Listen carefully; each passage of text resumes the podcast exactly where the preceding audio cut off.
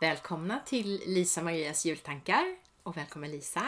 Tack så mycket. Välkommen Maria. Vi börjar ju närma oss slutet av den här julkalendern. Ja, det är Tänk fantastiskt. vad fort det har gått. Ja, det har det verkligen. Ja. Eh, Det har det verkligen. Och vad har du i luckan idag då? Ja, i dagens lucka så ligger vår, eh, vår förmåga eller vår tendens eller Oj, vad svårt det här var att säga helt plötsligt. Jo, men så här. Vi människor vill ju alltid dela in saker i bra och dåligt. Japp. och fungerande och inte fungerande och positivt och negativt. Alltså den här dualismen och, och den här eh, att, vi hela tiden, ja, men att vi hela tiden trillar in i det beteendet att dela in saker. Överhuvudtaget kategorisera saker vill vi så gärna. Precis. Eller våra hjärnor vill det för att Ja. hantera världen kanske. Sorteringsinstinkt är det jag har Ja. skrivit ner på mitt papper här. Just det. Och att, att ibland kanske, alltså vad händer om vi pausar det ett litet ögonblick? Alltså om vi avhåller oss från att bestämma oss för om det här som händer är bra eller dåligt. Eller, eh, eller för den delen om jag är bra eller dålig. Ja. Och vad, vad finns det i det mellanrummet som, som bildas om jag inte omedelbart bestämmer mig för om det här som händer är någonting bra eller dåligt. Så jag pratade om systemcoachingen eh, i, något annat, i någon annan lucka. Och det är ju en av de två coachutbildningar jag har i bagaget. Eh, den ena handlar om individer, den andra handlar om grupper och system. Men i båda de coachinriktningarna så har vi pratat mycket om en, en sorts regel som är just så här. Vem vet vad som är bra eller dåligt? Om jag bara kan komma ihåg det och att det inte är mitt jobb att hela tiden dela in i bra och dåligt så tror jag att vi kan få syn på saker som vi annars... Alltså det, det, finns en, det finns möjlighet till insikter som vi annars stänger Mm. eh, ganska snabbt om vi bestämmer oss för att det här är bra eller dåligt. Just det.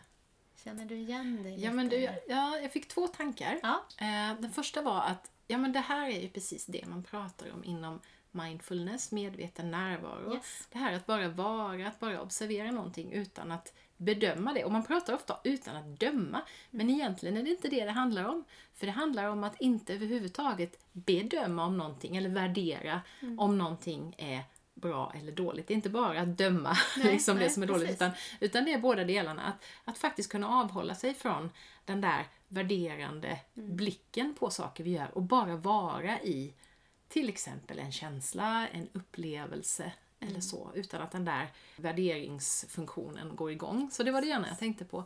Det andra var ju den här eh, berättelsen som jag tror att Björn Lindeblad, Mm. eh, Björn Natthiko Lindeblad som vi båda känner till, jag tror han berättade om den i något av sina sommarprat. Mm. Den thailändske bonden Mm, just det. som, eh, ja det hände saker och Mm. varje gång så var det sådär hur ska jag veta om det här är bra eller dåligt? Därför att det ledde till någonting som man kanske inte Mm. hade förutsett och det kan man oftast inte veta. Även någonting som till synes är dåligt kan ju leda till någonting bra till Mm. exempel. Spoiler alert för det kommer ett poddavsnitt om det. Eller Ja. ett, en, en lucka om det. Ja, ja, ja. Kanske nästa gång. Eh, Så det tänkte jag också på det här just att vi vet ju inte alltid Nej, vad som kommer vara bra i längden eller vad som är dåligt i längden eller så. precis. Och kanske också, alltså, för det handlar ju om just den här att inte gå in i det ens. Att inte fundera på om det här är bra eller dåligt. Det är liksom en aspekt av någonting. Det finns Mm. så mycket annat som vi kan upptäcka och utforska om någonting. Eller hur? Det blir liksom lite abstrakt nu när vi pratar om det såklart. Mm. Men, men om man tänker sig liksom... Ja, inte vet jag. Men om, om man vaknar på morgonen och det regnar. Är det bra eller dåligt? Ja. Ja, det kanske inte är det intressanta. Nej, Det, kanske, det. det. intressanta kanske är någonting annat Mm. om att det regnar. just det. och, eller liksom, ja men... eh, Jag tänker helt enkelt att jag tror att det kan vara särskilt när det gäller oss själva. Alltså att jag... Åh, det här gjorde jag bra eller det här gjorde jag dåligt. Ja. Nu lyckades jag, nu misslyckades jag. Alltså den här sorteringen och hur snabba vi är att göra det Mm. tror jag ibland är lite av ett problem för jag tror att det, att det hindrar oss från att se saker som vi annars skulle se. Ja. Och att det, ja, att det inte alltid... Är det här bra eller dåligt? Ja, är det verkligen rätt fråga? Det. Finns det en annan fråga som är mer intressant? Eh, Som kan vara mer Till utforskande? exempel, lärde du dig någonting av detta? Ja, eller vad behöver jag? Ja. Eller eh, vad Finns det önskar jag? Eller, eller hur är det här för mig? Mm. Jag tänker också, eh, för ofta så är det ju så att om vi ser någon till exempel som ser ledsen ut.